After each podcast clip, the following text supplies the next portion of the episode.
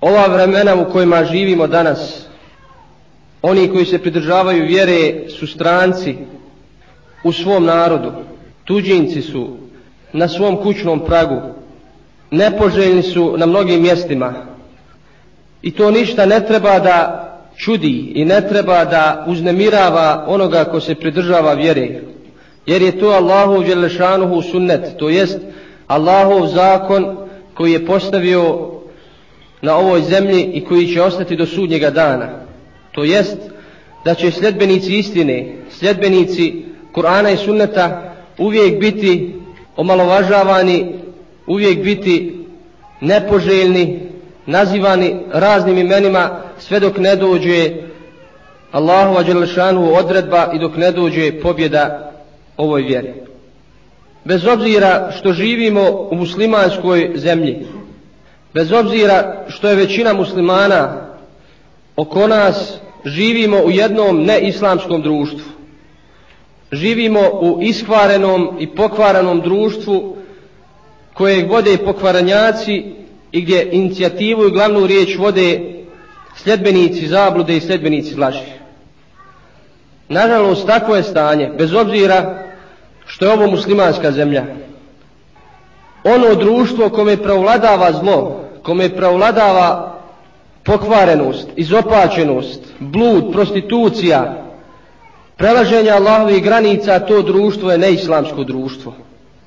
Da bi imali jedno islamsko društvo, moraju se ispuniti određeni uvjeti, a to je da u tom društvu glavnu riječ vode sljedbenici istine, da oni upravljaju društvom, da oni vode inicijativu i da se grijeh ne čini javno i da se grijeh suzbije. Znači da oni koji čine grijeh budu manjina i potlačeni i omalovažavani od društva. To društvo će biti islamsko. Samo kada jeli, takvo društvo bude, tada možemo reći da živimo u jednom islamskom društvu. Ovaj dunjaluk, draga braćo, to je Allahovo pravilo, ovaj dunjaluk je prepun iskušenja, kako za vjernike, tako i za nevjernike. Allah Đelešanu kako god iskušava vjernike, smrću, gubljenjem imetka, strahom, gubljenjem najmiliji, tako iskušava i nevjernike. Sve ono što doživljavaju vjernici, doživljavaju i nevjernici. Međutim, razlika je između gledanja vjernika i gledanja nevjernika na iskušenja nevjernik gleda na iskušenja kao musibete koji ruše njegov život, ovaj jedini život za koji on živi i za koji se bori. Jer nevjernik ne gleda u ahiret, ne nada se životu na ahiretu. Zato ćemo vidjeti da danas na zapadu, u Americi, u naprednim zemljama vidjet ćemo da je veliki broj samoubistava, korištenja droge, alkohola, prostitucije i svega onoga što ruši jedno društvo.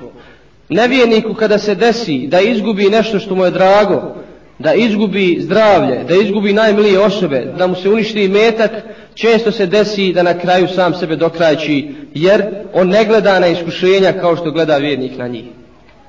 S druge strane, vjernik, onaj koji se drži Allahove u vjere, gleda na iskušenja kao rezultat njegovog pridržavanja vjere. Znači, iskušenja su rezultat pridržavanja vjere. Naročito ona iskušenja koja vjernik doživljava od nevjernika, od Allahu i Đelešanu neprijatelja. Sve ono što doživimo na putu vjere treba da to uzmemo kao iskušenje da Allah Đelešanu vidi da li smo iskreni u svojoj namjeri, da li smo iskreni kada smo izgovorili šehadet i uzeli ovu vjeru za pravi put. Samo ovaj dunjaluk koji je nevjernicima jedini život, za kojeg žive, za kojeg rade, uzvišeni Allah Đelešanu za njega kaže A'udhu billahi mine šeitan rajim اعلموا أنما الحياة الدنيا لعب ولهو وزينة وتفاخر بينكم وتكاثر وتكاثر في الأموال والأولاد كمثل غيث أعجب الكفار نباته ثم يهيج فتراه مصفرا ثم يكون حطاما kaže uzvišeni Allah Đelešanuhu znajte da život na ovom svijetu nije ništa drugo do igra i razonoda i uljepšavanje i međusobno hvalisanje i nametanje u imecima i brojem djece. Primjer zato je bilje čiji raz poslije kiše oduševljava nevjernike, ono zatim buja, ali ga poslije vidiš požutjela da bi se na kraju skršilo. Samo ovaj dunjaluk je popriše iskušenja, muka je tegoba. Onaj koji god bude tražio rahatluk na dunjaluku, neće ga naći.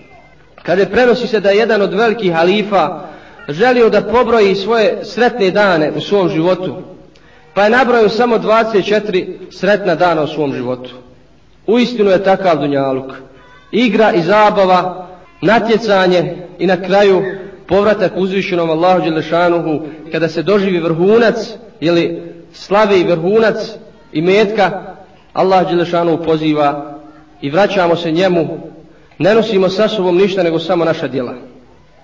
Zbog različitosti pogleda između vjernika i nevjernika kada su u pitanju iskušenja i kada je u pitanju ovaj svijet neminovno dolazi do borbe do neprestane borbe između istine i laži.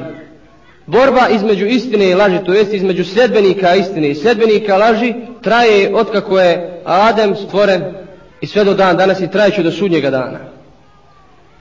Često Allah Želešanuhu iskušava vjernike nevjernicima, kao što je to slučaj, jeli, i dan danas, a često i nevjernici budu iskušani vjernicima, kao što je slučaj sa džihadom, kada se nevjernici, jeli, proganjaju, ubijaju, kada se uzima njihov metak i sve ono što posjeduju.